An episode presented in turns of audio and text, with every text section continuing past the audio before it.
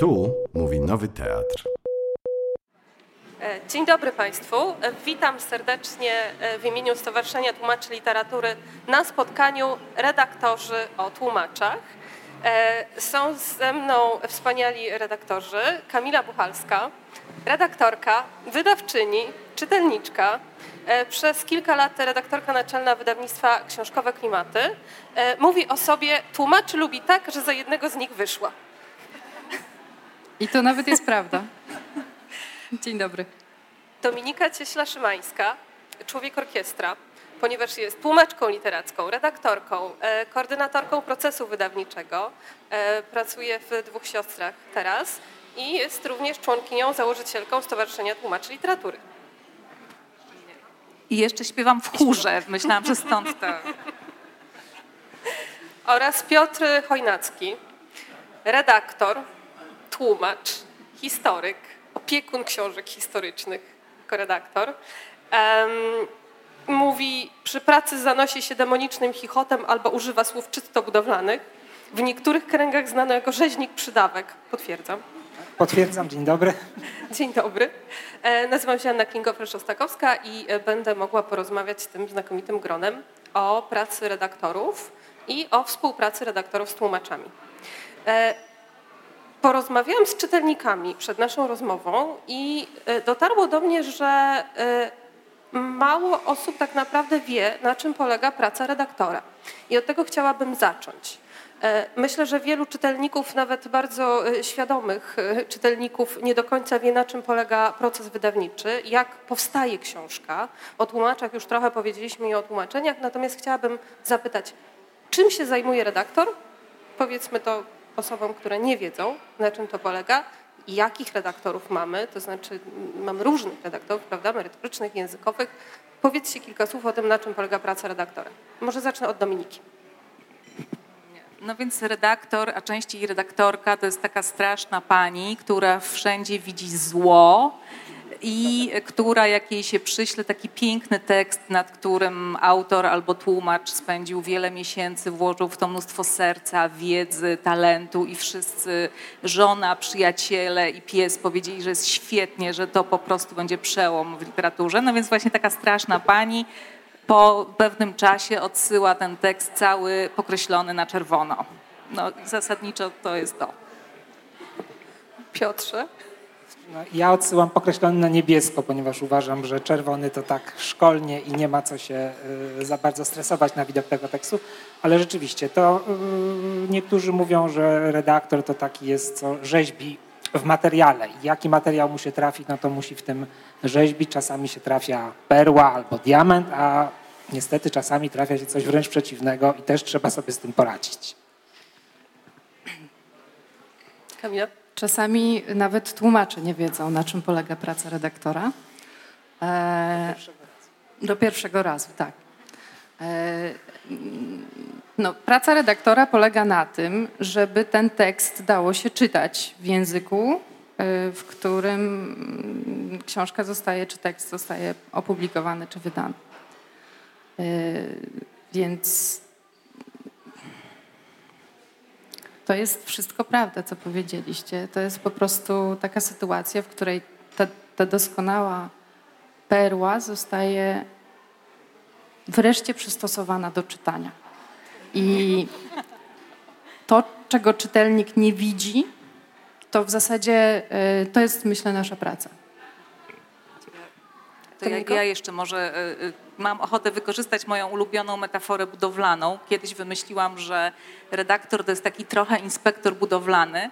Więc jeśli sobie wyobrazimy y, ten tekst oryginalny jako na przykład taką dwupiętrową willę. Willa jest otynkowana na różowo, ma mnóstwo różnych jakichś ozdóbek, gargulców, piękne zawija, pozawijane balustradki, przed nią jest ogródek, w ogródku jest fontanna, w fontannie nimfa, e, do wszystkiego prowadzą jakieś kręte, bardzo wyrafinowane schody, w oknach są firanki itd. itd. Winna- Willa jest z pełnym wyposażeniem.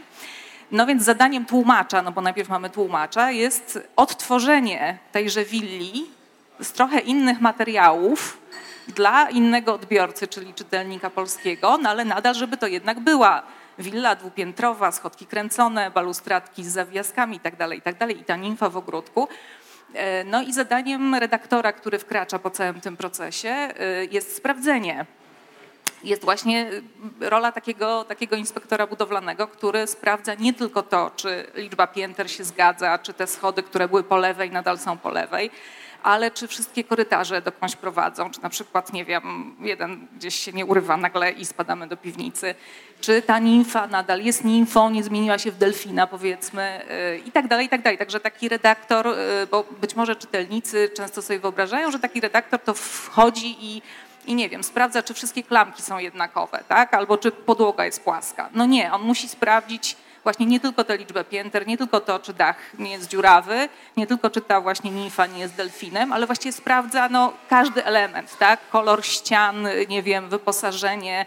Znaczy chodzi mi o to, już odchodząc od tej takiej metafory budowlanej, że no każdy tekst, każda książka jest bardzo złożonym, wielopiętrowym komunikatem, który ma różne poziomy nie wiem, no sensu, tak, gramatyki, środków stylistycznych, całego kontekstu, funkcji.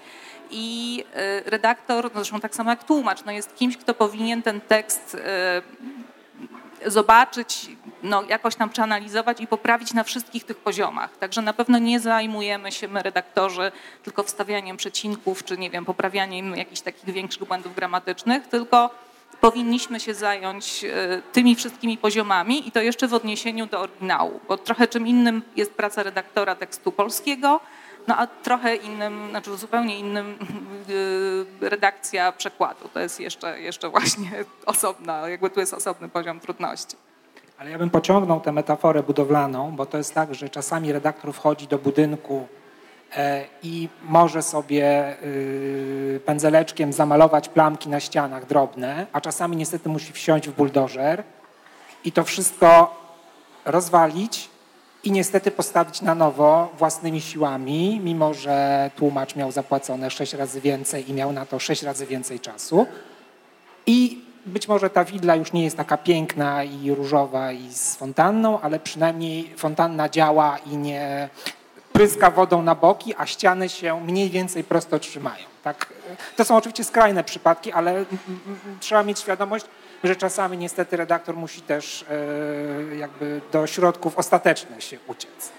Tak i to wcale nie jest, moim zdaniem to wcale nie są takie rzadkie przypadki e, i jakby też zasada e, jakaś taka, nie wiem, elegancji tego zawodu, etyki powiedzmy tego zawodu, no w pewnym sensie zakazuje nam opowiadania o tym, ile tego jest i z tego się rodzi bardzo dużo frustracji, bo, e, bo rzeczywiście na taką budowę trzeba przyjść i sprawdzić jeszcze raz wszystko, czyli tak naprawdę mm, zobaczyć, czy działa ten język. E, cały czas będę o tym mówić, bo e, moim zdaniem jednym z najważniejszych umiejętności i też takich, którym tłumaczom brakuje, to jest znajomość języka tego, do którego tłumaczą, czyli w naszym przypadku języka polskiego. Mm, I to jest po prostu bardzo, bardzo częste, że, że tą, tym brakiem znajomości się y, niestety wykazują. Mm, I to są, to jest, y, spróbuję pociągnąć tą nimfę, te delfiny i tak dalej. I, I jakby właśnie czasami okazuje się, że nimfa w oryginale jednak nimfą nie była. Czasami się okazuje, że, a już chyba najprzyjemniejsze sytuacje są takie, kiedy się słyszy jako redaktor, że oto właśnie wystarczy tylko, żebyś poprawiła przecinki,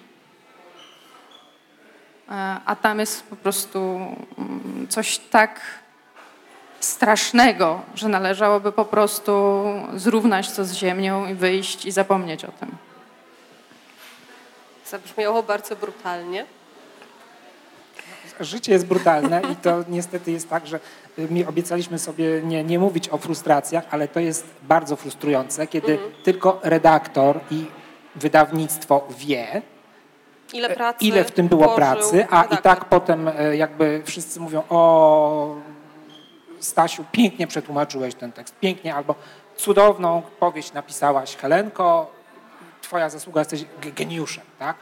Po czym tak naprawdę czasami mówię, tylko my wiemy, jak to wyglądało na początku, ile to pracy wymagało, nie tylko naszej, bo to czasami jest tak, że my czytamy, wydawało nam się, że już no mniej więcej wyrównaliśmy, wchodzi korekta, która jedzie walcem po naszym potem wchodzę jeszcze raz ja i, i jeszcze jadę walcem po tym wszystkim, a w końcu wkracza redaktor prowadzący i mówi, dobrze, już skończmy, bo ja muszę do drukarni to oddać i co będzie, to będzie w imię Boże. No. Tak, i jeszcze na Prawda. przykład... Nie, nie, nie. Redaktor prowadzący bierze to na weekend i czyta i Jeszcze raz, jeszcze tak. Nie, redaktor warstwę. prowadzący często mówi, dajcie mi święty spokój, kłóćcie się między sobą. Tak, tak, tak. O. Ja chcę już mieć czysto, ja chcę już mieć na gotowe. Zostawcie to. A najlepiej, panie redaktorze, niech pan to zrobi w y, tydzień, bo jesteśmy 20 po prostu... arkuszy. Tak, 20 arkuszy. Dlaczego? Bo tłumacz się spóźnił. Dlaczego wszyscy patrzą na mnie? Ale widzisz, na złodzieju czapka gore, Ania. Słuchajcie, e, rzeczywiście, gdy myślałam o tym spotkaniu, to zdałam sobie sprawę z tego, że od lat oczywiście walczymy o widzialność tłumacza. Walczymy jako stowarzyszenie, prawda, zabiegamy o to, żeby tłumacz, żeby rola tłumacza była w tym procesie widoczna, natomiast redaktor jest y, zupełnie przezroczysty. Redaktor jest niewidzialny y, i rozumiem, że to jest ta frustracja, prawda, że nie, nie mamy nawet jak docenić roli redaktora. Znaczy, wiesz, to jest tak samo jak z tłumaczeniem. Czytelnik bierze tekst i mówi, o ile literówek ktoś tu nawalił, redaktor, korekta. Albo takie zdanie jest koślawe, tłumacz, beznadziejne tłumaczenie. Ile jest takich opinii w internecie właśnie tak, tak rzuconych po prostu, Tak. nawet bez, bez jednego przykładu. I, i to jest, to jest y, oczywiście niefajne, no ale to my wiemy, że nie ma książek doskonałych. Jeżeli na 500 stronach ktoś znajdzie 5 literówek, no to w ogóle jest y, mistrzostwo świata albo jedno zdanie, które jest koślawe, no to już w ogóle jest jakiś, jakiś sukces. No ale to jest właśnie tak postrzegane, że redaktora się widzi, to tłumacze też czasami tak mówią, że tłumacza też się widzi wtedy, kiedy ktoś Wtedy, kiedy zauważy nawali. błąd w książce. Tak. No więc tak samo jest z redaktorami, tak samo jest z, z, e, z korektą. I w, w sumie no, to jest dobrze, jak, jak y, nikt nie wspomni o tym, że jest beznadziejna redakcja, pisząc, pisząc recenzję. To już jest jakiś, jakiś sukces, a już y, to, ile nas to kosztowało pracy, no im mniej, tym lepiej. No ale zdarza się, że, że dużo. No ale okej, no im mniej, tym lepiej tych y, takich uwag. No to, y, to już jest dobrze, jeżeli ktoś zauważa, nie zauważa, że, że coś jest nie tak. To już jest duży, duży sukces, jeśli chodzi o redakcję. E, Na dzisiejszym spotkaniu chcemy porozmawiać o współpracy e, tłumacza z redaktorem, redaktora z tłumaczem. E, Dwoje z Was są tłumaczami i redaktorami. Czy to Wam przeszkadza, czy pomaga w pracy? W pracy redaktora.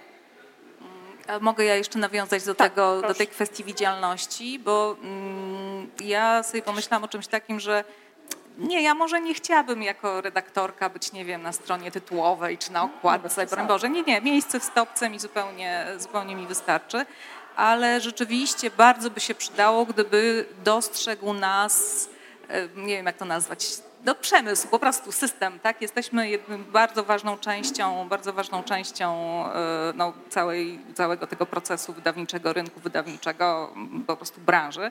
E, No i rzeczywiście jesteśmy niewidzialni, znaczy w tym sensie, że no nie ma żadnej organizacji, która by nas jakoś chroniła czy reprezentowała. Nie mają redaktorzy swojego stowarzyszenia. Były próby stworzenia takiego stowarzyszenia. Na razie, y, znaczy wiem, że one zostały zawieszone i, i te starania i to się, to się na razie nie stało.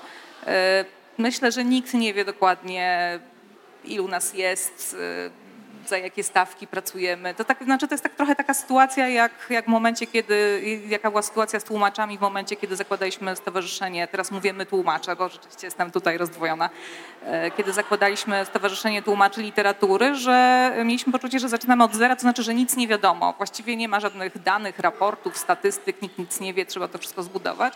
No i tak jest z redaktorami w tej chwili. Jesteśmy właściwie niewidzialni, niepoliczeni jako grupa zawodowa. Bardzo ważna, myślę. No.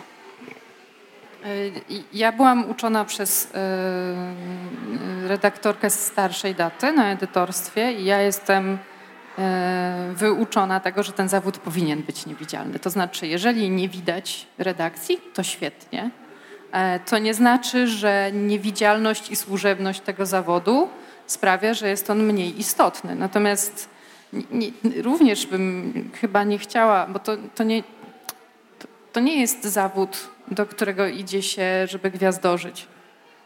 To nie jest, to nie jest po prostu, to jest ciężka praca, to jest mrówcza praca, to jest praca, za którą można się świetnie schować e, z której uważam, że trzeba byłoby być dumnym, ale ta niewidoczność jest też bardzo dobra. Może, może inaczej, niewidoczność samej pracy to, to dobrze. Niedostrzegalność i nie, niebycie, niebycie e, traktowanymi jako część zespołu redakcyjnego, bo tak powinno być to organizowane w wydawnictwie, że jest zespół redakcyjny, który wspólnie pracuje i w, tym, w ramach tego zespołu tłumacz, redaktor, korektor, drugi korektor, składacz, to jest zespół. I to moim zdaniem jest odpowiedzialność wydawcy. Mam wrażenie, że, że jedno to jest ta nie, niewidoczność e, pracy redaktora, ale to, o czym powiedziała Dominika, to znaczy to, że, że jeszcze są redaktorzy niewidzialni jako grupa zawodowa, e, to wpływa z kolei na oczywiście zapewne też i na stawki, i na e, pozycję zawodową, prawda? Więc tutaj możemy rozgraniczyć tę widoczność na te dwie rzeczy, jakby dostrzeganie pracy w samym tekście, ale z kolei nie mówi się też moim zdaniem wystarczająco o roli redaktora w tym zespole. No ale to jeszcze, to jeszcze w takim razie może powinniśmy mhm. powiedzieć o korekcie, no bo to jest cały czas niepełny zespół. Tak. Tak, ale to też jest tak, że mm, czasami sami wydawcy uważają, że redakcja to jest taki nie wiadomo po co, tak naprawdę mamy świetnego tłumacza albo świetnego autora, e, taki piękny debiut nam się trafił. O. I bierzemy, bo przeczytałem ja i przeczytała żona z wypiekami na twarzy, podpisujemy umowę wydawniczą, ktoś nam to zredaguje. Ja dostaję taką surowiznę. I lepisz. I lepiej, bo widzę, że pan jest na przykład, nie wiem, prywatnym detektywem, więc zna tam te różne techniczne sztuczki i takie tam. Natomiast oczywiście po polsku nie włada i, i ja to czytam. Jeden akapit, wyciąć, drugi akapit, wyciąć, trzeci akapit, wyciąć, czwarty akapit, wyciąć. Mówię, kurde, wszystko mówię, no nie mogę. Muszę coś, yy, jakieś słowo wiążące z tego zrobić. I, I lepi się z takich debiutów rzeczy, które yy, no, które mniej więcej nie będzie wstyd pokazać ludziom. To jest to, jest to co padło na poprzednim e, panelu, że są e, redaktorzy chirurdzy, którzy tacy są pewni. Nie, każdy redaktor może być takim chirurgiem, jak ma materiał. Bo jeżeli ja dostaję takiego kloca, przepraszam, który się nie trzyma yy, kupy, to ja wkraczam z siekierą i z piłą mechaniczną i muszę go z grubsza obciosać, żeby się tam przypadki zgadzały. Natomiast kiedy dostaję wypieszczony tekst, wszystko jedno, czy to będzie polska powieść, czy to będzie przekład, to ja sobie z radością tę piłę odłożę, wyjmę sobie pensetkę, pędzelek, e, co tam jeszcze i będę tę perełkę sobie e, szlifował, ten brylancik tutaj sobie podszlifuję, to tę plamkę usunę i to jest praca, która mnie satysfakcjonuje, bo takie, przepraszam, zgrubne obciosanie tekstu tylko po to, żeby potem ktoś nie wziął i mówił, o w pierwszym zdaniu się przypadki nie zgadzają. To, to jest po prostu mordęga i to jest coś, czego ja na przykład nienawidzę, bo ja bym chciał sobie z tym pędzelkiem i z tą pensetką, a czasami nie mogę. To chciałabym przejść, nawiązać do tego, co powiedziałeś o tym, że wszystko jedno, czy to jest polska powieść, czy to jest przekład. E, czy na pewno? To znaczy, czy ty współpracując z autorem, jednak nie możesz go troszkę bardziej prowadzić za rękę? Czym różni się w takim razie redakcja punktu widzenia redaktora redakcja tekstu e, polskiego autora i redakcja przekładu? To jest yy, tak, że teoretycznie ja jestem redaktorem do wynajęcia na mieście. E, więc e, teoretycznie trafia do mnie tekst, wszystko jedno, czy przekład, czy, czy dzieło jakby, nie wiem, polskie, które już powinno w wydawnictwie przejść recenzję, konsultacje, być przeczytane przez redaktora prowadzącego czy inicjującego, jak się ich tam nazywa, i te trzy instancje powinny potem wrócić do autora i powiedzieć mu stary, musisz przekomponować, skrócić, poprawić, a jak nie, to ja ci pokażę palcem tu, tu, tu, tu, tu i tu i ja dostaję tekst już po tych wszystkich poprawkach. Nie, ja dostaję teksty i mam wrażenie na zasadzie tłumacz albo autor przysłał do wydawnictwa, ja dostaję repost i taka surowa do mnie spływa i ja nie mogę nic zrobić, bo mam trzy tygodnie na tekst i nie mogę pracować z autorem, tym bardziej, że ani mam, nie mam za to płacone, ani nie mam na to czasu. Ja mogę oczywiście w ramach jakby rutynowej redakcji powiedzieć, no to tu skrócimy, tu przestawimy, tu może by pan dopisał dwa zdania, żeby to się jakoś połączyło. Ale to nie jest ta praca z tekstem, która się powinna odbyć przed moją redakcją. I niestety bardzo wiele wydawnictw, a w zasadzie nie wiem, czy jeszcze jakieś wydawnictwa coś takiego, yy, coś takiego robią. A to powinna być praktyka, no ale wiadomo, że oszczędza się na wszystkim. Za recenzję stówę jakiemuś y, blogerowi albo komuś przypadkowemu zlubimy czytać, a, a konsultacja to jak bardzo się redaktor uprze, y, że już naprawdę sam nie da rady sprawdzić, jak się nazywają elementy w silniku odrzutowym, no bo przecież wszystko redaktor zrobi za te swoje 150 góra i kapcie. E, I, no i tak to wygląda. Więc ja, ja nie, nie mogę pracować z autorem, bo ja od tego nie jestem teoretycznie, oczywiście. Kamilo, kiwałaś głową tak bardzo energicznie. No bo to wszystko prawda. To jest wszystko fajnie w teorii. E, Ale ja w ogóle, mm, ja, ja, też nie redaguję tekstów e, polskich, ja redaguję przekłady i też e, prawdę mówiąc nie chciałabym nigdy w życiu redagować tekstów polskich, bo po prostu wydaje mi się to mm, drogą przez mękę za nieodpowiednie stawki. To znaczy zależy y, kogo i co redagujesz, ale rzeczywiście tak.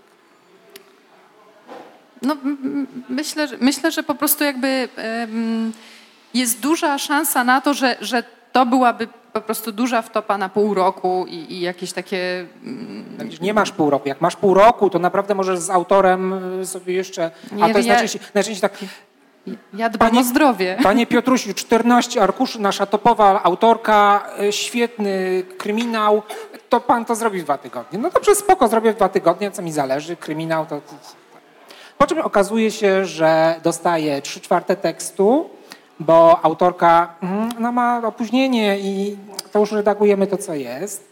Nikt tego tekstu przede mną nie widział. Ja jestem pierwszym czytelnikiem. Topowa autorka nie umie po polsku, nie umie skonstruować akcji, e, wymyśla sobie miejsce akcji, które po prostu nie ma prawa fizycznie istnieć, e, bo ma, nie wiem... e, Nie jest to science fiction. nie, no nie bynajmniej.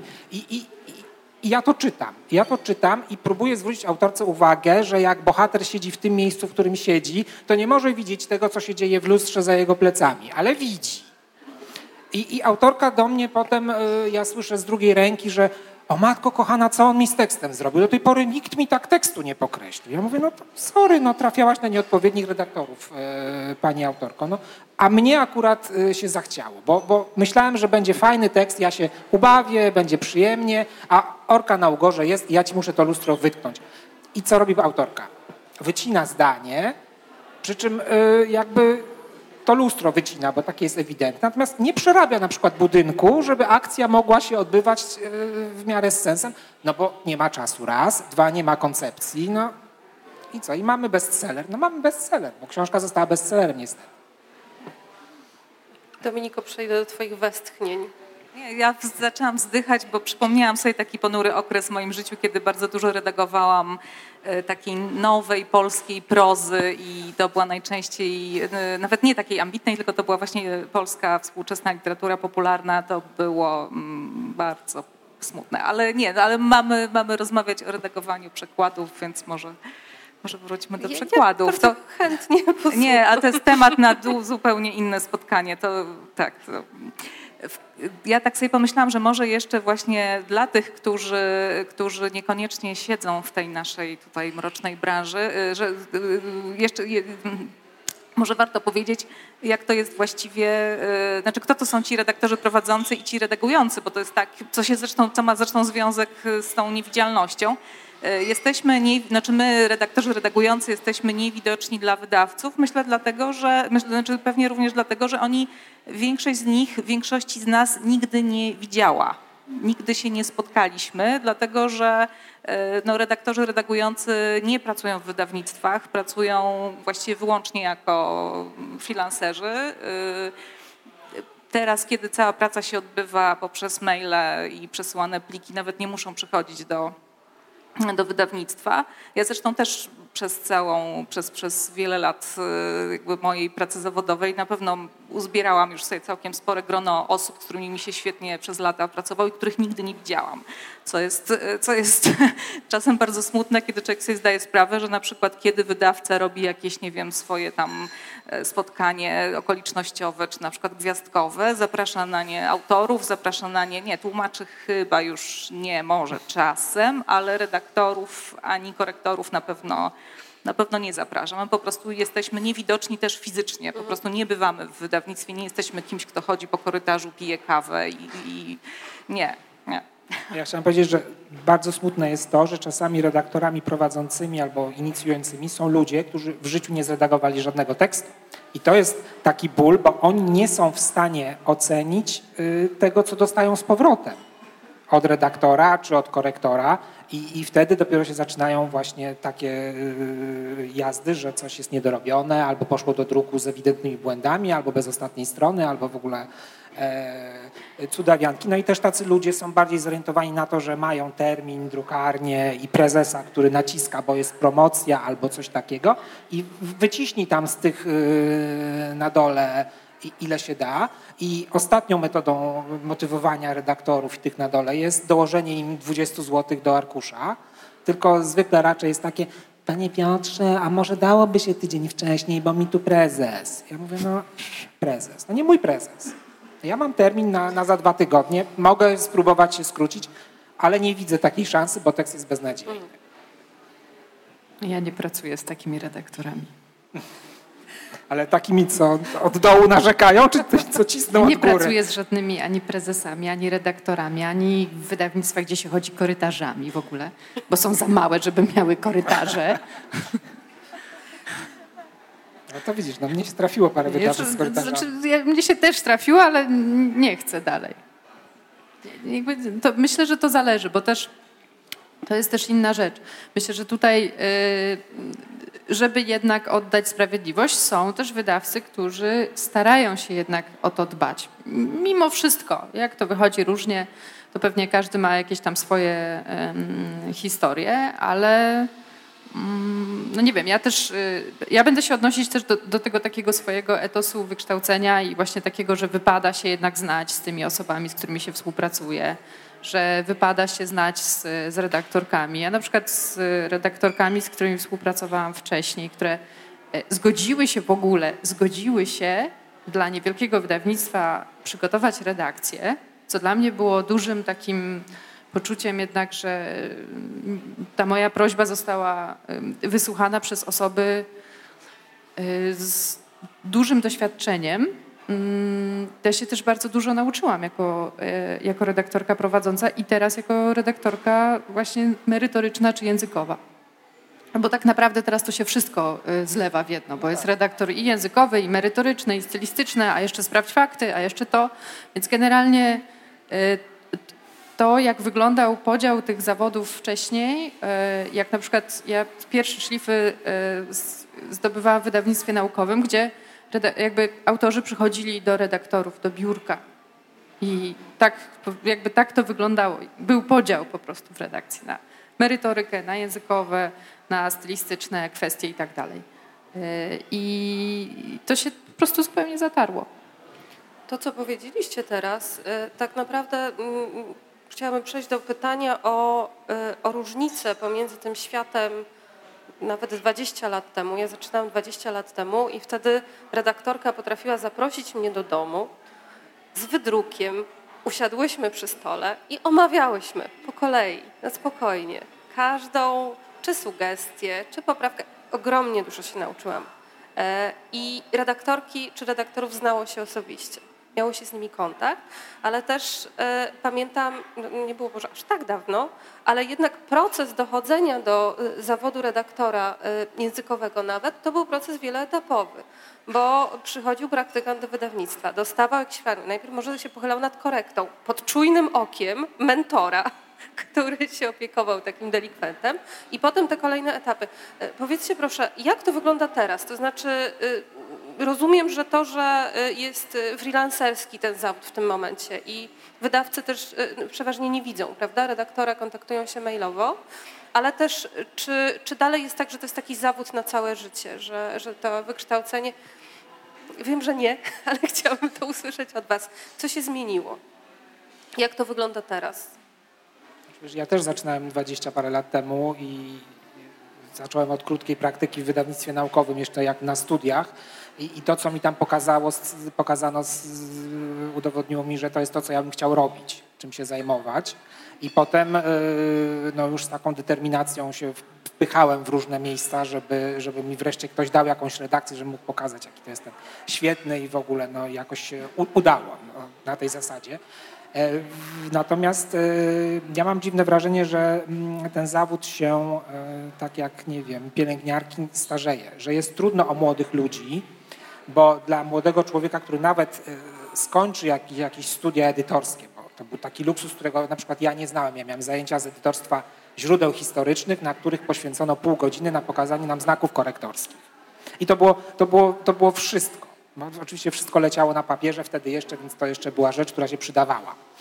E, a teraz y, wydaje mi się, że no, są już różne studia pod tym kątem, natomiast też nie wiadomo y, ani specjalnie czego ci ludzie tam uczą na tych studiach, e, ani y, czy oni potem pracują, bo ja muszę powiedzieć, że bardzo dawno nie spotkałem nikogo w wieku, nie wiem, dwudziestu paru lat tuż po studiach, który chciałby zostać redaktorem. Może akurat nie wiem, może Dominika ma jako prowadząca większe doświadczenia, ale jest problem, bo wszyscy redaktorzy, z którymi ja na przykład współpracuję na co dzień, no to są ludzie albo w moim wieku, albo już nawet, yy, nawet starsi. I tak trudno jest kogoś nowego znaleźć, takiego, który by, no nie wiem, spełniał jakieś yy, pewne chociaż yy, podstawowe kryteria tego, co, yy, co wie i co umie.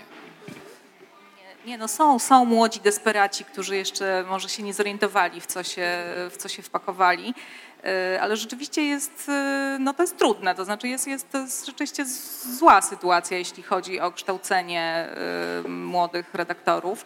Mm, no jeśli już wchodzimy w takie wspomnienia właśnie kombatanckie, tak, ja też jeszcze zdążyłam być na praktykach w piwie. E, tak, e, to była, bardzo to było rzeczywiście pouczające. Tam był jeszcze właśnie wtedy system, byli starsi redaktorzy, młodsi redaktorzy, starsi, redak e, starsi korektorzy, młodsi korektorzy i się oczywiście zaczynało od, od tam od samego dołu. Mm, e, no ale jak wszyscy wiemy, ten cały system właśnie z redaktorami i korektorami zatrudnionymi na etacie się rozpadł w latach 90. doszczętnie. Naprawdę bardzo rzadkim przypadkiem są wydawnictwa, które zatrudniają e, redaktorów e, takich redagujących na etacie. Prawie chyba takich nie ma. I rzeczywiście jest tak, że ci nowi redaktorzy trochę się nie mają skąd brać, dlatego że moim zdaniem no rzeczywiście na pewno, nie wiem, kurs redakcji w e, PTWK czy studia podyplomowe z e, redakcji są takie na różnych, na różnych wydziałach e, tymczasem takie powstały. To jest z pewnością coś bardzo, bardzo cennego. Sama na takim kursie byłam.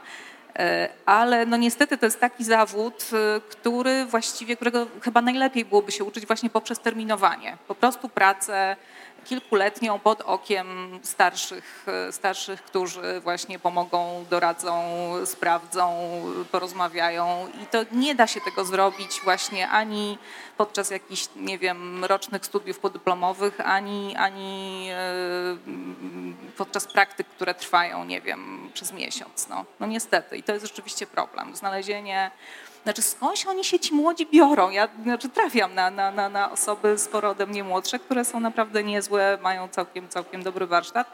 Mm, właściwie to ja nie wiem do końca właśnie skąd one się, skąd one się biorą, ale to jest... Ale z pewnością właśnie z tym, z tym kształceniem to jest problem, bo e, w wydawnictwach też właściwie nie ma takiego miejsca. Nie jest jakby w tym systemie nie ma miejsca na takie terminowanie.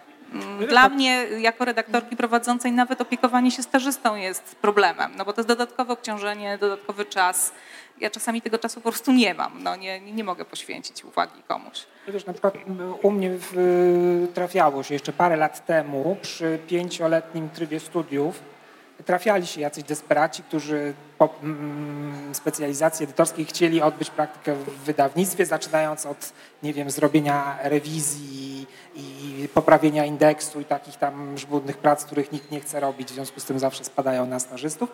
I oni zniknęli i nie wiem, czy to jest kwestia tego, że na przykład na studiach zostały zmienione specjalizacje i już oni nie chcą, czy, czy może po prostu nie ma, nie ma chętnych, no ale ja, ja, mam takie doświadczenie. Y, ja, mm, ja, skończyłam dwuletnią specjalizację edytorską w ramach studiów filologicznych y, i uczyła mnie y, pani redaktor Barbara Janiszewska. I mój egzamin edytorski trwał około trzech godzin. Był egzaminem ustnym. Mm, był to bardzo trudny egzamin, po którym usłyszałam, że dostaję 4,5 Wspaniale. Wiele lat nauki przed panią i za wiele, wiele lat będzie pani dobrą redaktorką.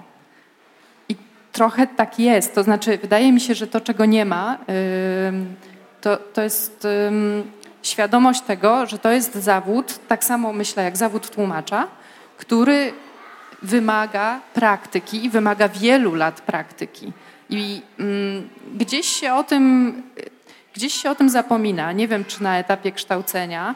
Na pewno y, tego, czego, czego nie ma, to o czym też myślę y, mówicie, nie ma na przykład programów mentorskich. Dlatego, że mm, kiedy jest się młodą redaktorką, y, czyli się skończyło ze świetną notą, zredagowało kilka właśnie jakichś takich y, rzeczy, nawet na stażu y, nie kazano robić tylko o tyle, że w drukarni obcina się główki kleju i po prostu macie ręce jak y, wyrobnica. Nawet coś tam się dostaje, właśnie taką rewizję. U mnie to raczej była nagroda. Jeżeli ktoś już dostawał, to raczej dostawał ten wybijający się. To nagle okazuje się, że na przykład można dostać zlecenie, od wydawnictwa, które już w tym momencie jest w stanie upadłości. Jak otwierasz y, plik, to nie wiesz, czy masz płakać, śmiać się, czy rozwalić laptop, bo po prostu tam nic nie trzyma się kupy, e, a za, w przeliczeniu na 12 arkuszy chcą ci zapłacić 500 zł brutto. Nigdy tego nie robią. Y, nie, młody redaktor nie jest uczony, jak ma wystawić sobie rachunek. To jest rzecz, jak miałam stażystki, e, e, to robiłam pierwszą rzecz, jaką robiłam. Mm, ile ci zajmie czasu zredagowanie dziesięcioarkuszowej powieści? Ile chcesz za to zarobić? Wystaw rachunek. Co to są koszty uzyskania przychodu? A jak to się liczy? A dlaczego tak jest? Faktura? Ja chciałam tylko obcować z literaturą. Ja chciałam poprawiać te przecinki. No niestety, to jest jedna rzecz. Druga rzecz, y, bardzo trudno jest. Ja, ja pochodzę z Dolnego Śląska i y, y, uczyłam się we Wrocławiu, więc nie miałam też aż takich pewnie możliwości, jak mają osoby, które pobierają naukę w Warszawie, że jakby dostęp do tych topowych redaktorów czy do dużych wydawnictw jest taki ułatwiony. I bardzo długo trwa. Na przykład y, trzeba, to znaczy tak naprawdę nie ma jakiejś takiej sensownej drogi, gdzie można by po prostu poprosić kogoś, proszę poświęcić mi ileś czasu tygodniowo. Y, ja to będę robić po pracy, albo po studiach, albo nie wiem, po czymś tam y, i ja się będę uczyć. Nie ma czegoś takiego. Tak samo tłumacze nie mają również programów mentorskich i bardzo często jest tak, że debiutanci, a ja bardzo dużo, jakby jak na powiedzmy te kilka lat, kiedy prowadziłam wydawnictwo, no to y, całkiem sporo pracowałam z debiutantami i ich, y, ich podejście było takie, że to pierwsze spotkanie z redaktorem to tak naprawdę dopiero ich uczyło, o czym jest przekład, o czym jest praca z redaktorem. No i to jest tak naprawdę straszne, no bo nie mamy się gdzie, y, nie mamy się od kogo uczyć. Trochę trzeba być jakimś takim bardziej rzutkim, no jednak szukać tej pracy, a, a nie ma się gdzie kształcić. Tak, to widać, e, widać tę wyrwę pomiędzy wykształceniem formalnym, tak prawda? Taki młody tłumacz czy młody początkujący redaktor kończy studia, no, ale jeszcze jest nieopierzony, jeszcze powinien pod skrzydłami e, osoby doświadczonej. Dobre kilka lat. Tak, dobre kilka lat spędzić, zanim wejdzie Dlatego właśnie, właśnie doszłam do wniosku, że w zasadzie całkiem dobrze jest do jednego szaleństwa dodać sobie drugie, to znaczy być nie tylko redaktorem, ale i tłumaczem, bo wtedy można się uczyć od redaktorów, którzy redagują nasze przykłady. To jest bardzo dobry, tak, tak. O ile się jest czego uczyć, wiesz, bo ja się co ja tu robię, bo na poprzednim panelu miałbym całą masę anegdot o kiepskich redaktorach i to jest... Nie, no ja się bardzo dużo nauczyłam od y, redaktorek i redaktorów, którzy redagowali moje przekłady i to jest zresztą bardzo dobre doświadczenie, kiedy się jest właśnie i, znaczy na zmianę się jest i redagowanym, i redagującym. No bardzo jakby się człowiekowi poszerza taka empatia i w ogóle wyrozumiałość. I, tak, zdecydowanie. Tak, tak. A ja, ja się uczyłem, pamiętam, od korektorek, bo to były jeszcze czasy, kiedy wszystko szło na papierze e, i na przykład były korektorki, które spędziły 40 lat wcześniej na przykład w Iskrach. I taka pani potrafiła do mnie zadzwonić o 20.30 na domowy numer, który gdzieś tam wydębiła w wydawnictwie, bo to były jeszcze czasy przed RODO. I tak do mnie, proszę pana, tu na stronie 18 napisał pan, że jedna część wojsk poszła na wschód, a druga część wojsk poszła na wschód. To która poszła gdzie? Ja, ja w popłoku szukam e, oryginału, którego oczywiście już nie mam, bo oddałem go, żeby pani korektorka miała mogła i mówię, Jezus Maria, no to wie pani, to chyba wszystko jedno, która część poszła gdzie, skoro były dwie. No tak, no tak, ale wie pan, no ja chciałam być ścisła. No i mówię, dobrze, dziękuję pani bardzo, no jakoś to musimy zaklajstrować. No ale bywały też gorsze rzeczy, no tam się coś, nie wiem, liczby się przemachiwały i, i weź tu teraz sobie przypomnij, co tam było w oryginale. Ale to było, były tego rodzaju osoby, które jeszcze nie odwalały tekst na zasadzie szybkiego czytania od rogu do rogu i sprawdzenia, czy tam coś nie wisi na brzegach, tylko czytały ze zrozumieniem ten tekst. Ja dostawałem posoby swoje, na przykład dzwoniło wydawnictwo, ty słuchaj, przyszła twoja korekta i tu trzeba wyjaśnić. I ja tak patrzyłem i mówię, matko kochana, czerwono, a tu ołówkiem, co to ma być? Tu, czy tu nie powinno być inaczej? Bo to, nie, zadanie pytania pod tytułem, co to ma być, albo niejasne, albo postawienie znaku zapytania, to jest szczyt hamstwa. To jest po prostu rzecz, która się nie powinna zdarzać. Jeżeli już mamy wątpliwości, to albo pytamy grzecznie, albo proponujemy jakieś rozwiązanie. To tak jest, tak jest wzorcowo. Jeszcze z... Ale przypominam ci, że my tu mamy narzekać na tłumaczy. Dobrze, dobrze. No to spokojnie, to Ale to, nie, nie, ja przepraszam, ja chcę zaprotestować. To nie jest szczyt hamstwa. Szczyt hamstwa został przed chwilą wymazany kilkakrotnie i został zostawiony wyłącznie pytajnik, bo mogło być tam coś gorszego. Znaczy wiesz, no, ja miałem taki przypadek, że trafiły do nas, trafiła do nas e, jako tłumacz korekta naszego tekstu, z której pani redaktor prowadząca, nie wiem czy specjalnie, czy z lenistwa, nie wymazała obelżywych uwag korekty.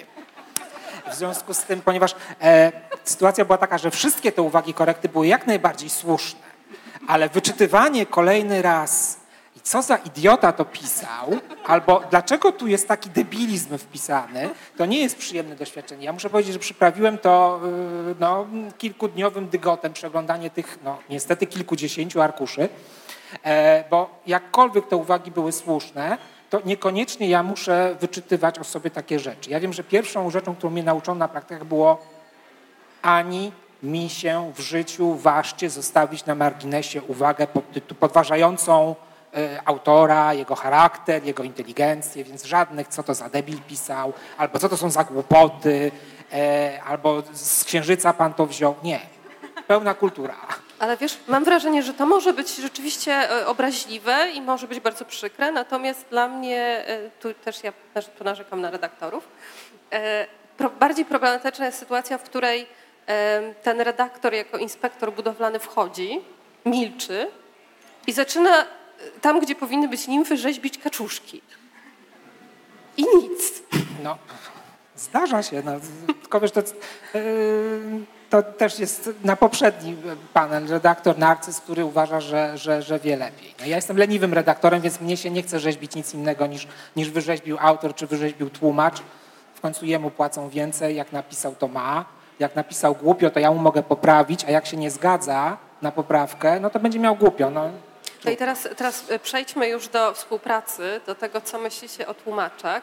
Na poprzednim panelu Dorota, e, prowadząca panel e, tłumaczy o redaktorach, przedstawiła kilka sylwetek podstawowych, sylwetek redaktorów, czyli mieliśmy redaktora narcyza, redaktora chirurga, czy redaktora chybcikiem. Chciałam was zapytać, Czy wy macie takie typy, takich tłumaczy, których spotykacie? I chciałabym e, zachować pewną równowagę pomiędzy pozytywnymi a negatywnymi. Mamy. Ale mamy zacząć Dobrze. od chwalenia, czy wręcz przeciwnie? Od negatywnych, dobrze. Już E, pozostawiam wam. Znaczy ja na przykład miałem ostatnio y, dwa dosyć nieprzyjemne przejścia z tłumaczami, którzy są zaliczani do jakby najwyższej grupy tłumaczy w kraju, nagradzanych, najwyższe, y, najwyższy, najwyższy poziom literatury, nie tam, że romans y, czy coś, tylko już jak coś, to awangardowa powieść w języku no, średnio egzotycznym na przykład. E, No i ja się ucieszyłem, jak dostałem taką pozycję. Masz redakcję po tym panu. Ja mówię, o super, to ja się wreszcie czegoś nauczę albo zobaczę, jak taki genialny tłumacz pracuje. No i y, tekst składał się w dużej ilości z odniesień do literatury, czyli tam było pełno nazw y, z powieści, nazwisk, imion i wszystkiego. No i wiadomo było, że pytanie, sprawdził, nie sprawdził. Bo jak nie sprawdził, no to ja mam sprawdzania i się zabiję własną pięścią, jak będę musiał to wszystko sprawdzić. Więc piszę do pana y, wybitnego tłumacza, który mi mówi, sprawdzałem, nie sprawdzałem. Wie pan, ja oddałem ten tekst do wydawnictwa pół roku temu, ja nie pamiętam. Ja mówię, kurde. I no wiadomo, że redaktorskie sumienie nakazuje mi sprawdzić, czy sprawdził. No i zaczynam to sprawdzać, no i okazało się tak.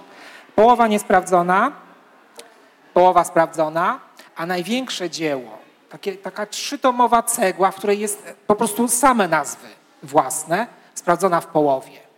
I myślałem, że go uduszę. Po prostu myślałem, że go uduszę, bo tam, gdzie się domyśliłem, że nie sprawdził, no to sprawdzam. Tam, gdzie sprawdził, sp- sprawdził, mogę po łebkach sprawdzić. Ale tu musiałem sprawdzić wszystko, a akurat tak mi się trafiło, że tam po prostu większość tekstu odnosiła się do tej książki. I myślałem, że się po prostu zabije i ta taka dezynwoltura, takie sprawdziłem, nie wiem, no co takie, tak dawno było, zapomniałem. Trzeba mi było napisać na marginesie. Sprawdziłem, sprawdziłem, nie sprawdziłem. To jest to, o czym Dorota mówi, które, co Dorota praktykuje co jest świetne. I ja też to robię, jak już y, tłumaczę. Sprawdziłem cytat. Albo ten termin znalazłem tu i tu, może pan sprawdzić, ale jest sprawdzone, może, nie wiem, pan Ale skonsultować. takiej praktyki uczyły na przykład te redaktorki przed laty. Wiesz, no czasami mi się wydaje, że po prostu wystarczy trochę zdrowego rozsądku To i pomyślenia o tym, że po drugiej stronie jest człowiek, który ma dwa tygodnie na przykład na zredagowanie tego wszystkiego i jak on zacznie z powrotem sprawdzać twoją robotę, To spędzi to dwa miesiące. na tym dwa miesiące. Po co ci to? Ja już to sprawdziłem, więc z samego szacunku dla tego redaktora mu to napiszę. I on może to, a jeszcze napiszę mu, żeby przypadkiem tego cytatu nie, spraw, nie, nie przeredagował, bo bywają tacy, co widzą cudzysłów, mają napisane, że cytat sprawdzony, a i tak mi tego Homera przeredagują. No. A drugi przypadek to był z kolei też się bardzo ucieszyłem, bo y, też znane nazwisko, też y, y, bardzo y, znany tłumacz y, i stwierdziłem, no to będzie cudownie, to taki średnio znany język, to ja sobie popatrzę, jak to tam wygląda przekład z takiego języka. No i y, co się okazało? Pan tłumacz, nie wiadomo dlaczego, czy miał za niską stawkę, czy miał y, zły humor, czy mu tekst nie podchodził, oddał do wydawnictwa taką surówkę, taką wklepaną, dosłowną surówkę, której potem nawet nie przeczytał. Tekst był taki mniej więcej popularno-naukowy, więc na przykład nie sprawdził ani pół cytatu. Ja już nie mówię, że z rzeczy, które są, nie wiem, w Bibliotece Narodowej, ale w pierwszej, lepszej gminnej bibliotece stoją na półce i można się przychylić. Nie sprawdził ani jednego nazwiska, ani jednej nazwy geograficznej. E, I ten dosłowny tekst trzeba było napisać na nowo. I ja ten tekst napisałem na nowo sprawdzając po drodze te wszystkie cytaty i klnąc Pana wielkiego tłumacza po prostu w żywe kamienie, e, tekst poszedł do wydawnictwa. Pani redaktor w wydawnictwie zredagowała moją redakcję, bo ja byłem tym, co to przyleciał z piłą i ten kloc ociosał z grubsza, a ona już sobie tam e, mniejszym pilniczkiem próbowała coś z tego wyrzeźbić. I tak żeśmy wespół w zespół ten tekst musieli uratować. Napisaliście książkę. Napisaliśmy książkę, tak naprawdę tak. No tego się nie robi. Ja najbardziej lubię gwiazdy. Tłumacz gwiazda. Informuje mnie, że jest skrupulatny. To już, to już zawsze źle świadczy. Wiesz, ja wszystko sprawdzam. Ja również nigdy się nie spóźniam. Nigdy. Zawsze się spóźniam. Naj, to znaczy, ja teraz żartuję, ale na, jakby uważam, że największym, mm, bardzo mało y, tłumaczy, z którymi pracowałam, się rzeczywiście nie spóźnia. Nie wiem, z czego to wynika, ale nie chcę tutaj wchodzić w jakieś takie złośliwości i, i, i pytać o piąty remont łazienki w jednym roku, ale y, rzeczywiście y, to, co naprawdę mnie denerwuje w postawach tłumaczy, to jest właśnie gwiazdorzenie i niegranie zespołowo. To znaczy, ja się spóźnię, a co wy z tym zrobicie? To już wasza sprawa. To znaczy, jeżeli wy nie, nie jesteście w stanie w krótkim czasie mojego fantastycznego przekładu zredagować, no to chyba z wami coś jest nie tak. No trudno, no ja się spóźniam, y, ja się spóźniam, ja informuję wydawcę, że się spóźniam, ja robię wokół siebie bardzo wiele hałasu na temat tego, że no niestety, no nie, mog no nie mogłam, po prostu no nie mogłam, nie przewidziałam, nie wiedziałam. E, I jakby to jest, e, to jest coś, na co ja jestem uczulona, więc jak na przykład widzę takie, bardzo, to jest bardzo powszechne, jak widzę na przykład jakieś takie chwalenie się, ile, ile to miesięcy jestem po terminie na Facebooku, albo takie rzeczy, to po prostu jednak nie, no nie chcę tego oglądać. Nie, nie, uważam, że to jest jedna z e, takich rzeczy, które, mm, które bardzo mocno świadczą o, w ogóle o jakości pracy, Y, kiedyś miałam taką dyskusję, bo rozmawiałam, jakby przestałam współpracować z jedną tłumaczką, która była uznana za dobrą. I zadałam pytanie, no jak mogłam? Otóż, no, jeśli ktoś się spóźnia rok, a potem na przykład okazuje się, że ja nie, nie mam świadomości, czy ta osoba żyje, to to nie jest dobry tłumacz. Ja, to znaczy, przepraszam, ja rozumiem, że można, jakby są sytuacje losowe, ale od tego jest komunikacja i mamy różne możliwości komunikowania tego i powiedzenia wprost, przepraszam cię, spóźnię się. Niestety nie wywiąże się z tej umowy. Wydawałoby się, że jest to podstawowe, nie jest to podstawowe, jest to nagminnie łamane. Uważam, że yy, jakby przez taką dużą dezynwolturę Tłumacze nie rozumieją, jak wiele dokładają pracy całemu zespołowi redakcyjnemu, redakcji, korekcie, składowi, którzy potem muszą na chybcika, właśnie to oni są dociskani przez wydawcę, wiem, bo sama tak dociskałam zespoły redakcyjne, więc po prostu, no dobra, musimy się pospieszyć, bo tutaj nasza gwiazda po prostu się spóźniła, no niestety. Więc to jest y, taki najpoważniejszy zarzut, i więc apeluję do Państwa, że jeżeli się spóźniacie, to po prostu przestańcie się spóźniać. E, zróbcie sobie, nie wiem, e, odpalcie sobie jakieś kursy na temat tego, jak zarządzać czasem i, i, i weźcie mniej po prostu na głowę, no bo to też często wiem, że to, to też jest kwestia tego takiego, na pewno sobie poradzę, jeszcze coś tam, jeszcze coś tam wezmę, te stawki też nie są za wysokie, ale po prostu to skutkuje naprawdę fatalnymi potem sytuacjami. Nie ma czasu na poprawną redakcję tych tekstów. Dwa tygodnie to jest jakiś kosz, koszmar. To jest, to jest koszmar. Nie wiem, nie wiem jak w ogóle można, przepraszam, nie wiem jak można się zgodzić, to jest po prostu potworne. Uważam, że to jest straszne w tej branży. Powinno się mieć na redakcję przynajmniej dwa do trzech, do sześciu miesięcy. Ale to jest chyba, nie, nie bronię spóźnialskich, natomiast ja mam wrażenie, że, że w ogóle żyjemy w takim pędzie, i ta branża działa w takim pędzie, no tak. że y, te pewne y, terminy stały się normą.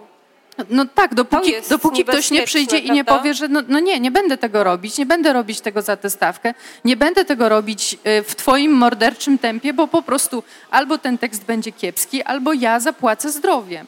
Więc to jest jedna rzecz. Natomiast jest jeszcze jedna grupa tłumaczy, postaram się streścić, to są osoby, z którymi od których ja się bardzo dużo nauczyłam i to, jest, e, to są zdecydowanie e, osoby, to są tłumacze starej daty. To są tłumacze i tłumaczki, po prostu których wiedza jest tak ogromna i to mówię o takiej wiedzy też kulturowej, o jakimś takim oczytaniu, czego niestety ani młodzi tłumacze, ani tłumacze w średnim wieku nie mają w takim jakby w takim zakresie i to nie jest ich wina, bo trudno, to, trudno mieć doświadczenie osoby 60-letniej, 70-letniej w wieku 20 czy 40 lat. Po prostu to jest niemożliwe.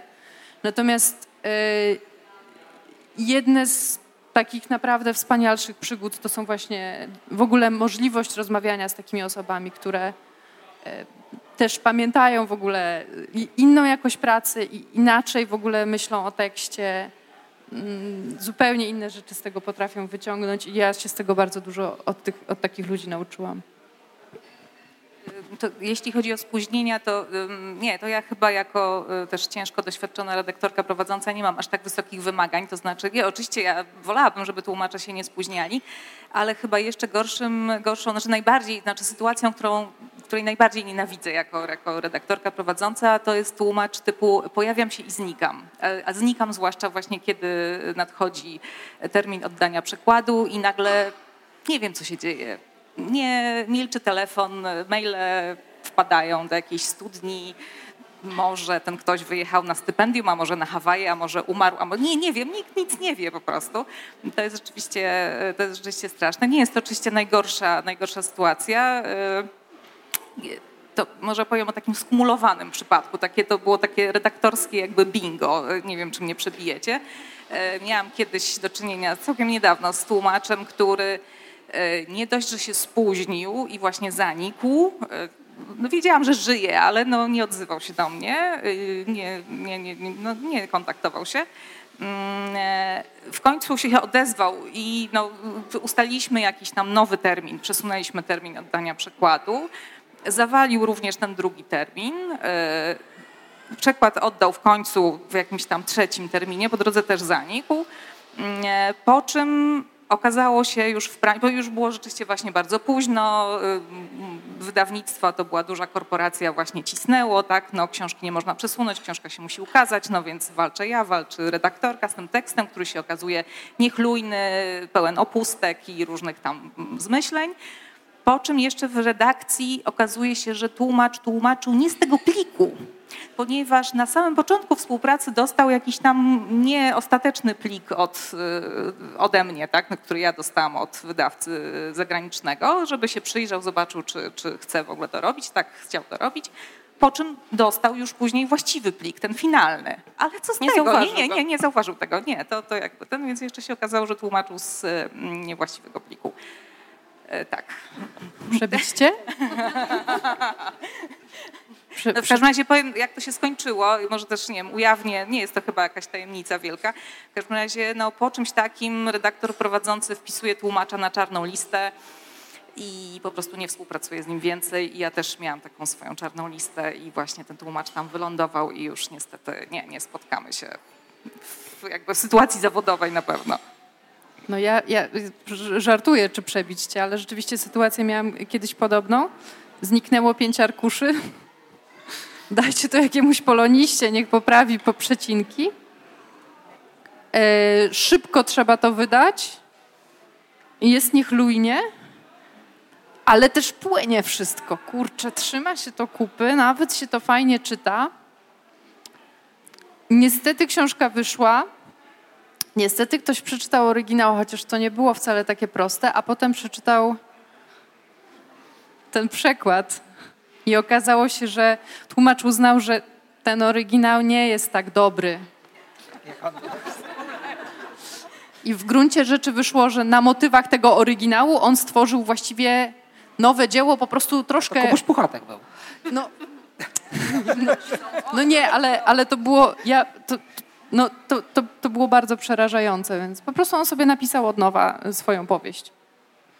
To w do druku trzeba była adaptacja tylko. Ta książka zniknęła z indeksu po prostu, bo, bo nie dało się tego nawet poprawić potem. To tak. trudno byłoby przebić chyba tę historię. No, no tak, to, to rzeczywiście jest straszny, straszna sytuacja, kiedy tłumaczowi y, nie przeszkadza oryginał, nie przeszkadza mu słownik, ani tam ten znaczy języka tego wyjściowego, ani słownik polszczyzny. On wsiada i gna, i po prostu gna, i niesiony polotem. Tak, miałam to kilka razy miałam w życiu do czynienia z takimi osobami i to rzeczywiście to było niesamowite. Znaczy, najbardziej niesamowite jest to, że właśnie jeden przypadek jest, no bo czasem to widać od razu, tak? Po prostu tekst jest koślawy, nie klei się, są jakieś błędy gramatyczne. No widać, po prostu co chwilę ten inspektor budowlany wpada po kolana w jakąś dziurę, w jakieś sprężyny, ale czasem tego nie widać, bo tekst płynie, jest napisany lekko, z polotem, w ogóle... A nie daj Boże, niestety, jest tłumaczony z języka egzotycznego. No tak? tak, tu na szczęście akurat to było z angielskiego, więc jakby łatwo było, łatwo było zobaczyć, co tam się dzieje, no ale właśnie wystarczy się przyjrzeć bliżej i się okazuje, że, że dzieją się tam cuda, cuda, tak.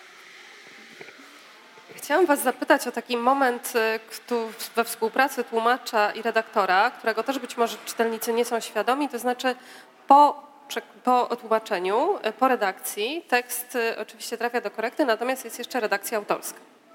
I to jest chyba takie źródło napięć, prawda? Też bywa, że, że ta współpraca, kto ma ostatnie słowo, bo według umowy tłumacz, ale zdarza się redaktor, który mm, jednak ma bardzo takie asertywnie swoje zdanie wyraża. Y, I powiedzcie kilka słów o tym etapie, bo on jest bardzo ważny. Czy jest tekst redagowany i on trafia do tłumacza, który akceptuje bądź odrzuca poprawki.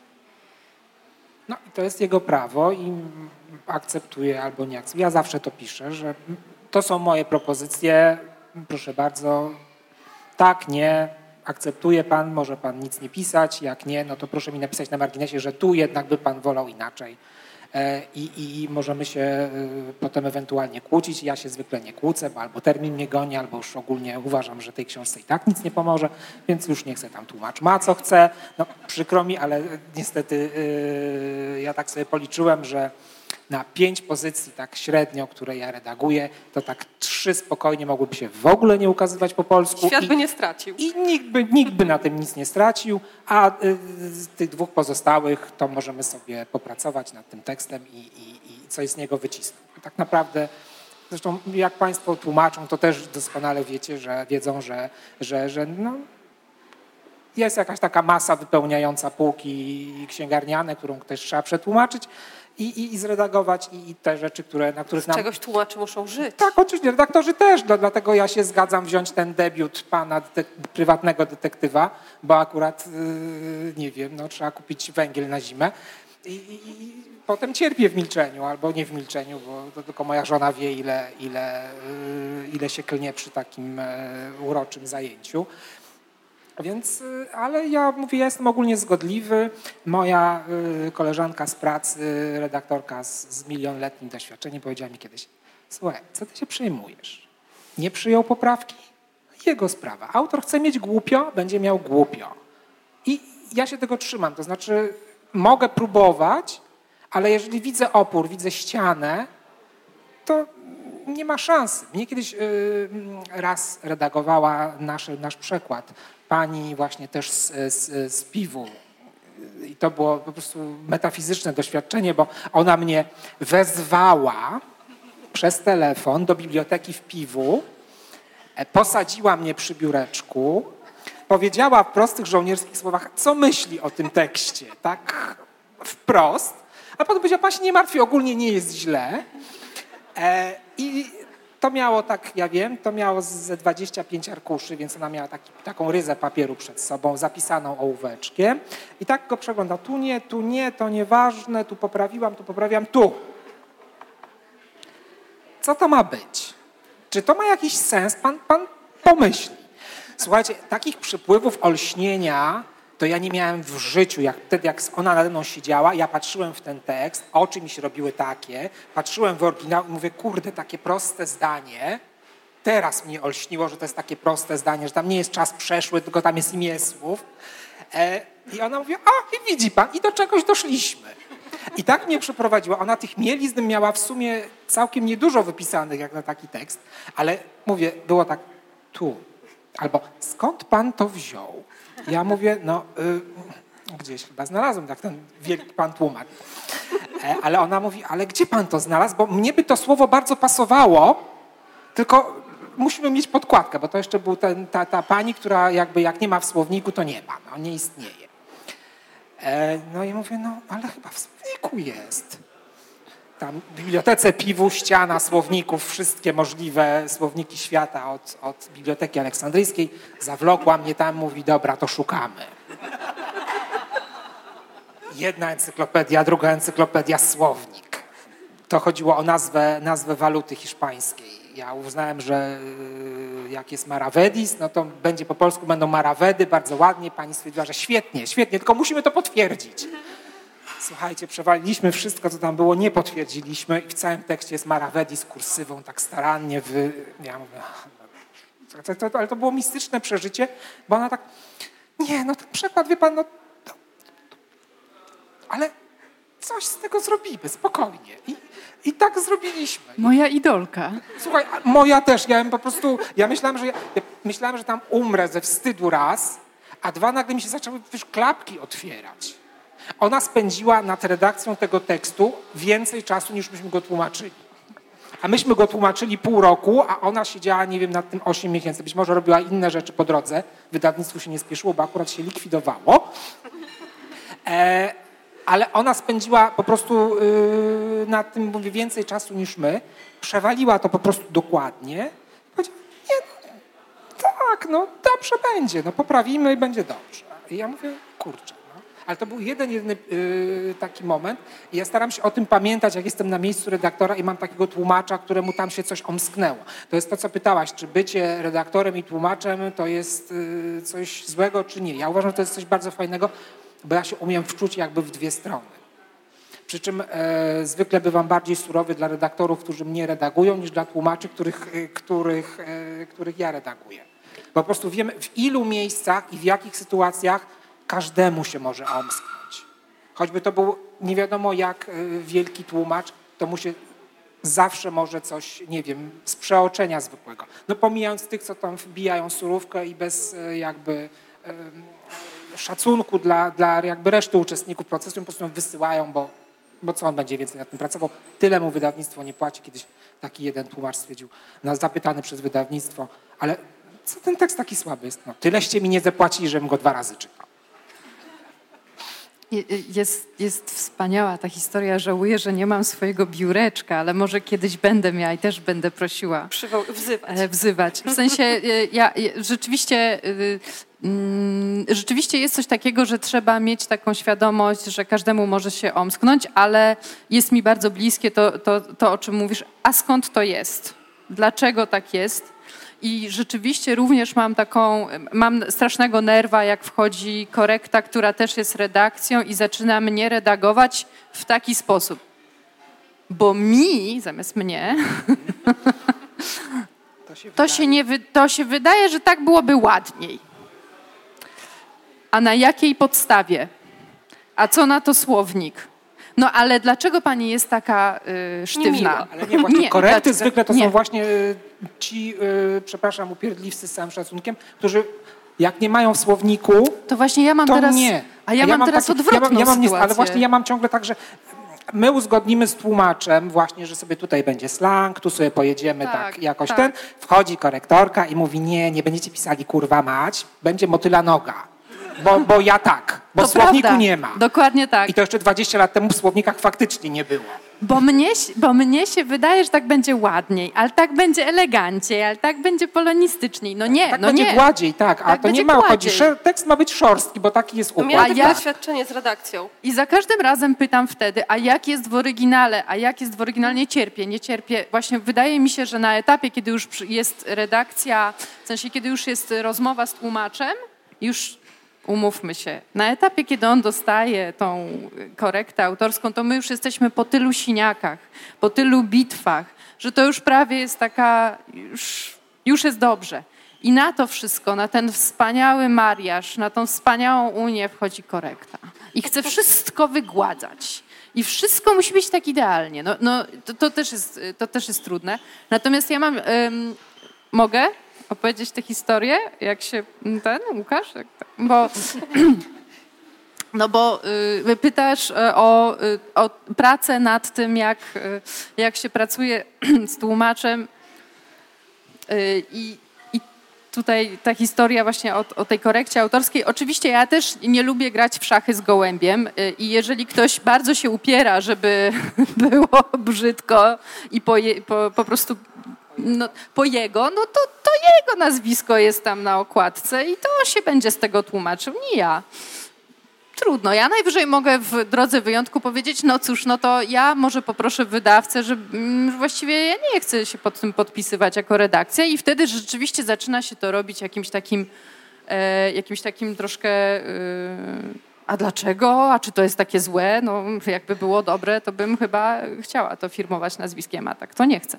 Ale mieliśmy taką historię y, z moim mężem, za którego wyszłam, właśnie to jest moja miłość do tłumaczy, żartuję, ale tak. E, mieliśmy taką historię, jak pracowaliśmy e, nad, nad książką um, tureckiej dziennikarki, e, która była to książka tłumaczona z angielskiego, ale ponieważ tłumacz w tym momencie zauważył, że w oryginale angielskim są, jest wiele rzeczy opuszczonych, więc korzystał w związku z tym również z wersji niemieckiej, która z kolei była ocenzurowana w innych miejscach. No i ja dostaję jakieś, jakieś fragmenty mówię, a skąd to wiemy? A to czego, tu czego nie wiemy. No i w końcu jakby tak eskalowałam przy tym swoim takim metaforycznym biureczku, że mąż wykrzyknął do mnie, nie znam całego tureckiego internetu. A ja powiedziałam, nie, to poznasz.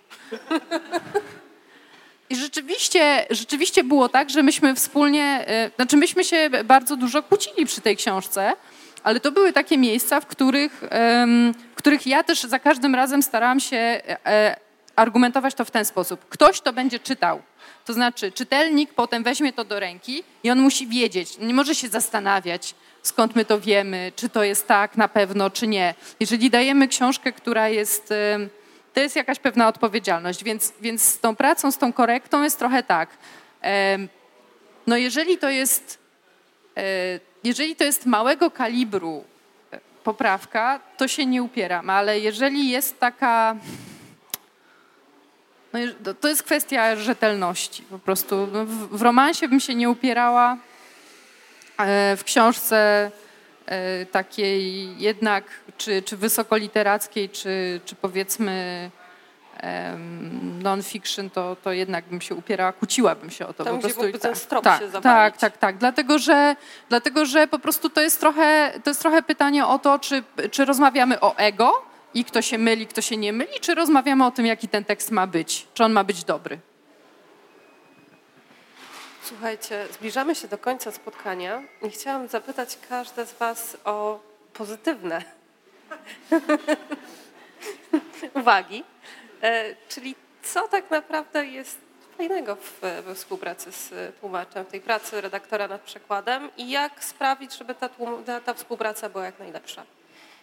Takie rady od redaktorów, abyśmy wszyscy byli szczęśliwi. Tak.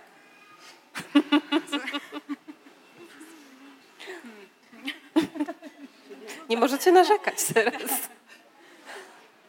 Ja się, znaczy myślę, że to będzie, będzie też a propos, znaczy trochę poprzedniego wątku, trochę właśnie tego, o co, o co pytasz.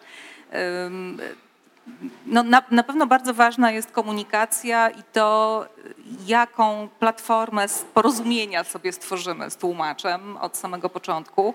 Yy, I dla mnie, no mimo już nie wiem, 20 lat doświadczenia, nadal takim, znaczy czuję pewne napięcie w momencie właśnie wysyłania tej redakcji, tego strasznego pliku pokreślonego na czerwono z milionem komentarzy do, no nie zawsze milionem, ale do tłumacza y, i i zastanawiam się właśnie też czasem, jak to, znaczy już oczywiście przeglądam pod kątem tego, czy nie zostały jakieś złośliwe uwagi i oczywiście je wszystkie wyrzucam, no ale potem zawsze też się zastanawiam, czy nie napisać jakiegoś liściku po prostu do, do tłumacza wyjaśniającego, co ja tam próbowałam zrobić i, i dlaczego. I to jest trudne, zwłaszcza jeśli się nie zna tej osoby, po prostu nie, nie, nie, nie pracowaliśmy wcześniej.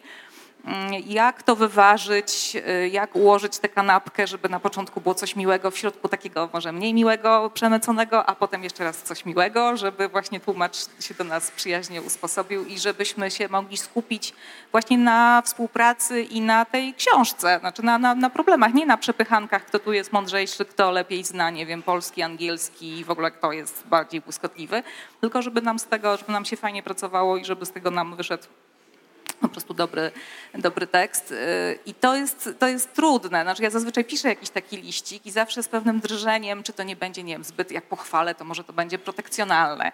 Jak zacznę coś wymyślać, znaczy wyjaśniać, wyjaśniać, dlaczego robię to i to, no to może tłumacz się obrazi, że to jest zbyt oczywiste, tak? Jak mu napiszę, że nie wiem, ma na przykład nie znikać, nie akceptować tych moich poprawek, to może też się obrazi, bo on już to wie, tak? Może to jest właśnie, to jest, to jest rzeczywiście, znaczy współpraca z osobami, które już znam, wiem jak pracują, wiem jak myślą, są też do mnie przyzwyczajone, jest o tyle łatwiejsze, że już właśnie nie muszę, nie muszę e, jakby wyjaśniać też całej metody i nie muszę tworzyć od, od zera tej całej, e, tego całego kontaktu, tej całej relacji, która jest bardzo ważna dla, dla, dla mm, jakby ostatecznego efektu. Nie wiem, czy wy piszecie liściki do do tłumaczy? Znaczy mnie się włącza autorów? tryb zimny profesjonalizm, szczególnie jak ten tekst jest rzeczywiście kiepski. Ja się narobiłem jak głupi i teraz napiszę mu świetny tekst, wie pan, tylko tu jest kupa poprawek, pan, pan się tym zajmie. No to wtedy mi się włącza taki typ szanowny panie, przesyłam plik z autoryzacją, proszę o odniesienie do poprawek szan, z uszanowaniem. E, I to jakby jest moje, moja, moja postawa i moja ocena tego, tego tekstu. Oczywiście e, całkiem niedawno nauczyłem się, że jednak e, tłumacz, e, zważywszy brak krytyki literackiej krytyki przekładu w naszym kraju, po prostu jest czasami złakniony tego, że mu napisać, że nawet ten przekład jest albo bardzo dobry, albo nawet, że ma jakieś usterki, ale coś z nim można zrobić. To zawdzięczam mojej żonie, która stwierdziła, że wszyscy są złaknieni takiego choćby napisania, że jest w porządku, prawda? Nie martw się, zanim otworzysz plik, to już wiesz, że jest w porządku. No to e, rzeczywiście, jak, jak tylko mam podstawy, to, to staram się, ale ja to akurat walę wprost, świetny przekład świetnej książki i proszę sobie tam te poprawki obejrzeć, ale nie będziemy się kłócić, to, to jest wpływ tej pani z piwu, która najpierw cię skopia, a potem ja powie, że jest całkiem nieźle i, i spoko w ogóle, nie martw się tak, spokojnie. Ja nawet cztery z plusem czasami się, się zdarza, więc mm, yy, ja wiem, że jakby no, jesteśmy pierwszymi czytelnikami tych tekstów. I, I, ja na przykład też nie mam e, jakby oporu, żeby powiedzieć, Boże, jakie to jest jaki bez, jaka beznadziejna była podstawa, pan coś z tego zrobił, albo pani z tego coś zrobiła, da się to czytać. Choćby, ja, no, no. ja się staram pisać w tekście, jak coś mi się szczególnie spodoba, to na przykład piszę, jakie to jest, jak, jak to jest pięknie napisane, albo mhm. Pięknie coś zrobiłaś, albo pięknie to brzmi, albo wzruszyłam się przy tym, bo tak po prostu no, czasami... Mi się też zdarza, jak właśnie tłumacz wpadnie na lepszy pomysł niż ja bym wpadł w tym miejscu, to muszę powiedzieć, że, że, że, że tak, że jest wtedy świetnie.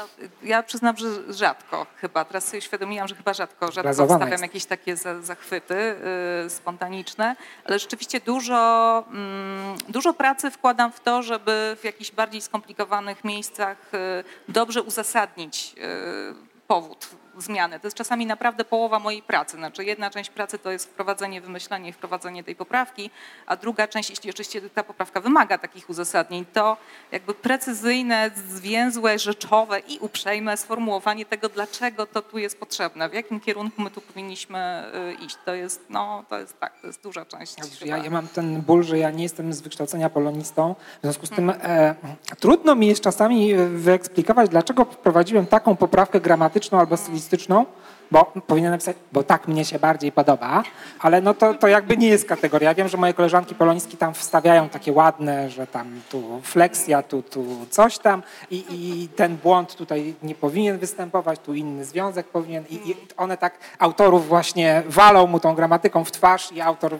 w, osłupieniu mówi, Musi. no tak, tak, Musi. no bo tak. wiesz, no w obliczu no, słownika, no, no nie ma szans. Ja, ja nie umiem, więc ja muszę jakoś tak bardziej opłotkami. E, ale no, na przykład y, z kolei jako historyk jestem nauczony, żeby sprawdzać wszystko. I to jest tak, tak potwornie męczące, jak nawet w kryminale trzeba sprawdzić, czy rzeczywiście w tej wioszczynie tam jest takie coś. Y, tak, ale to wiesz, mnie to wbijano na studiach, zanim zostałem redaktorem, tak już mi zostało i to jest strasznie męczące, ale rzeczywiście wtedy, jak coś się nie zgadza, to trzeba tłumaczowi powiedzieć, skąd się to wzięło i że tu dyskutujemy I też chciałbym dostawać właśnie taką uwagę, że ja tu już się nasprawdzałam i, i, i już czasem, pan tego nie czasem robi. tłumacz zdążył już napisać do autora z pytaniem, skąd to się wzięło. Ale niech napisze mówi, to też do nie mnie. Wiem. Wiesz, bo ja na przykład widzę w tekście, e, czytam ten tekst, jestem nauczony, że mniej więcej paluszkiem porównuję i nagle widzę, mam trzy zdania więcej. Bez żadnego komentarza w porównaniu z PDF-em, który mam, czy tam z oryginałem.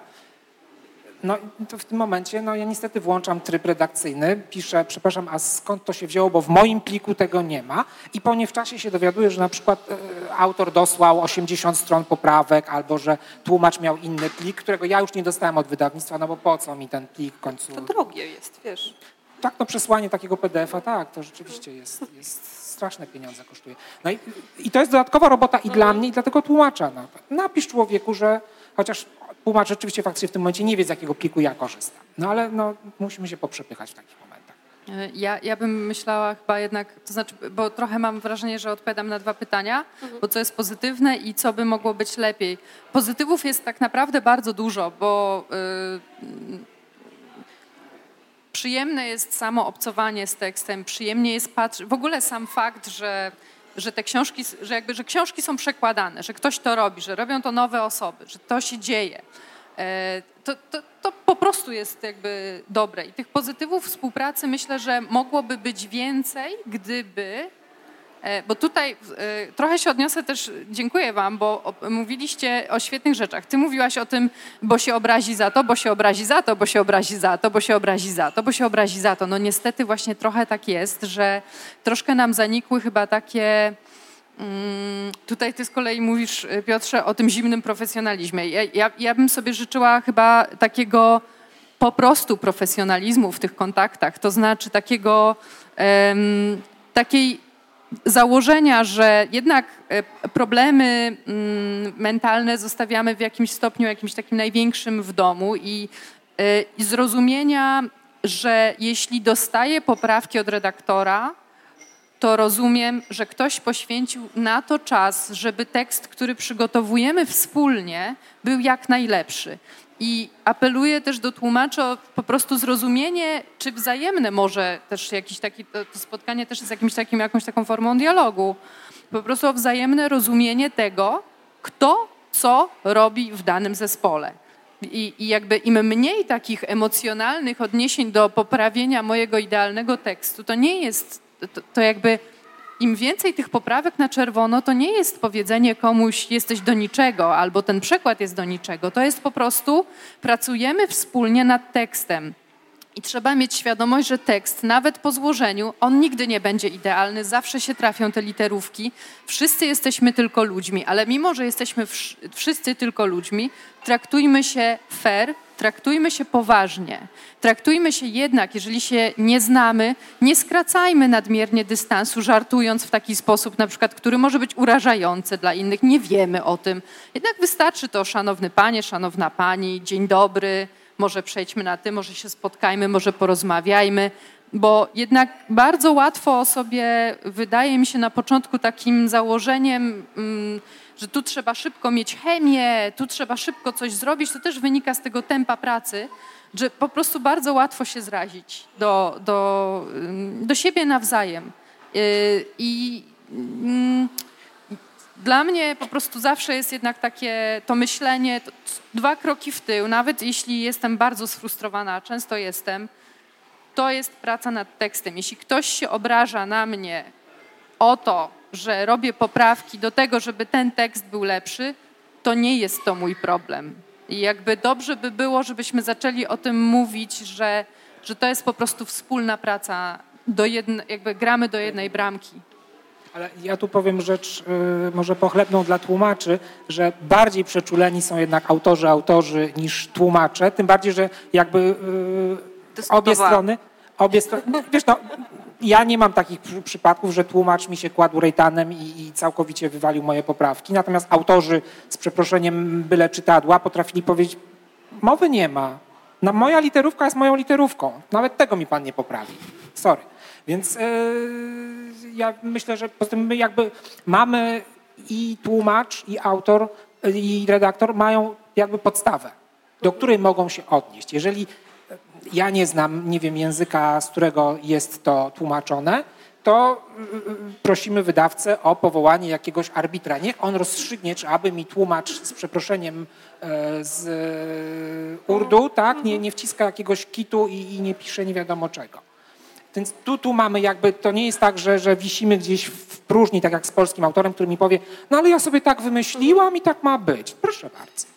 A tutaj mamy jednak jakiś konkret, do którego się możemy odnieść i no, jakiś jakby rozstrzygać yy, wątpliwości. Te, te momenty takie, co, co to jest, jak to, jak to brzmi w oryginale, to dla mnie są jedne z przyjemniejszych momentów pracy z tłumaczem, jak nie znam tego języka, bo to jest ten moment, kiedy tłumacz się zapala i zaczyna mi opowiadać, e, co to jest, jak to brzmi i dlaczego to jest takie wspaniałe i, i to jest w ogóle super. Masz, masz e, fajniejsze wspomnienia, bo ja mam zwykle takie wspomnienia, że patrzę w ten tekst, który jest, nie wiem, hiszpański, portugalski, e, znajduję sobie to słowo, które mi się nie podoba, wrzucam je do internetowego słownika i ono potwierdza moją redakcyjną intuicję, że to jednak powinno być inaczej, a tłumacz sobie wziął znaczenie numer jeden ze słownika zamiast znaczenie numer trzy, bo, bo, bo coś.